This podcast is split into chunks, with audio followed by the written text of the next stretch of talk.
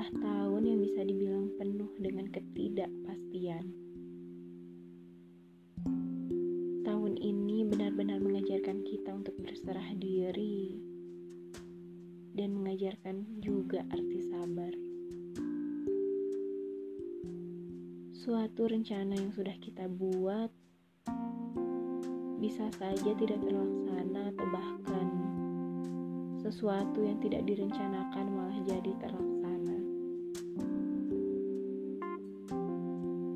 Kadang kita merasa kesal jika sebuah usaha yang sudah kita jalankan untuk memenuhi rencana itu semuanya hanya jadi wacana.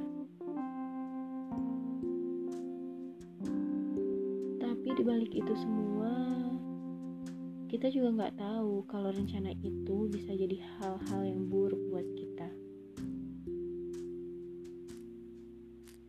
Namun, tetap saja yang namanya usaha tetap harus dijalankan. Karena itu adalah sebuah proses untuk mencapai sebuah rencana. Lagi-lagi kita nggak akan pernah tahu hasil dari sebuah usaha yang kita jalankan.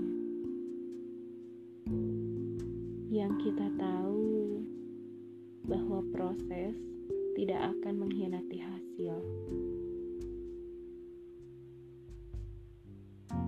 Setelah usaha yang sudah kita jalankan, sisanya kita hanya perlu berserah diri kepada Sang Pencipta. Karena bisa jadi di balik semua kegagalan itu ada hal baik yang telah dipersiapkan olehnya.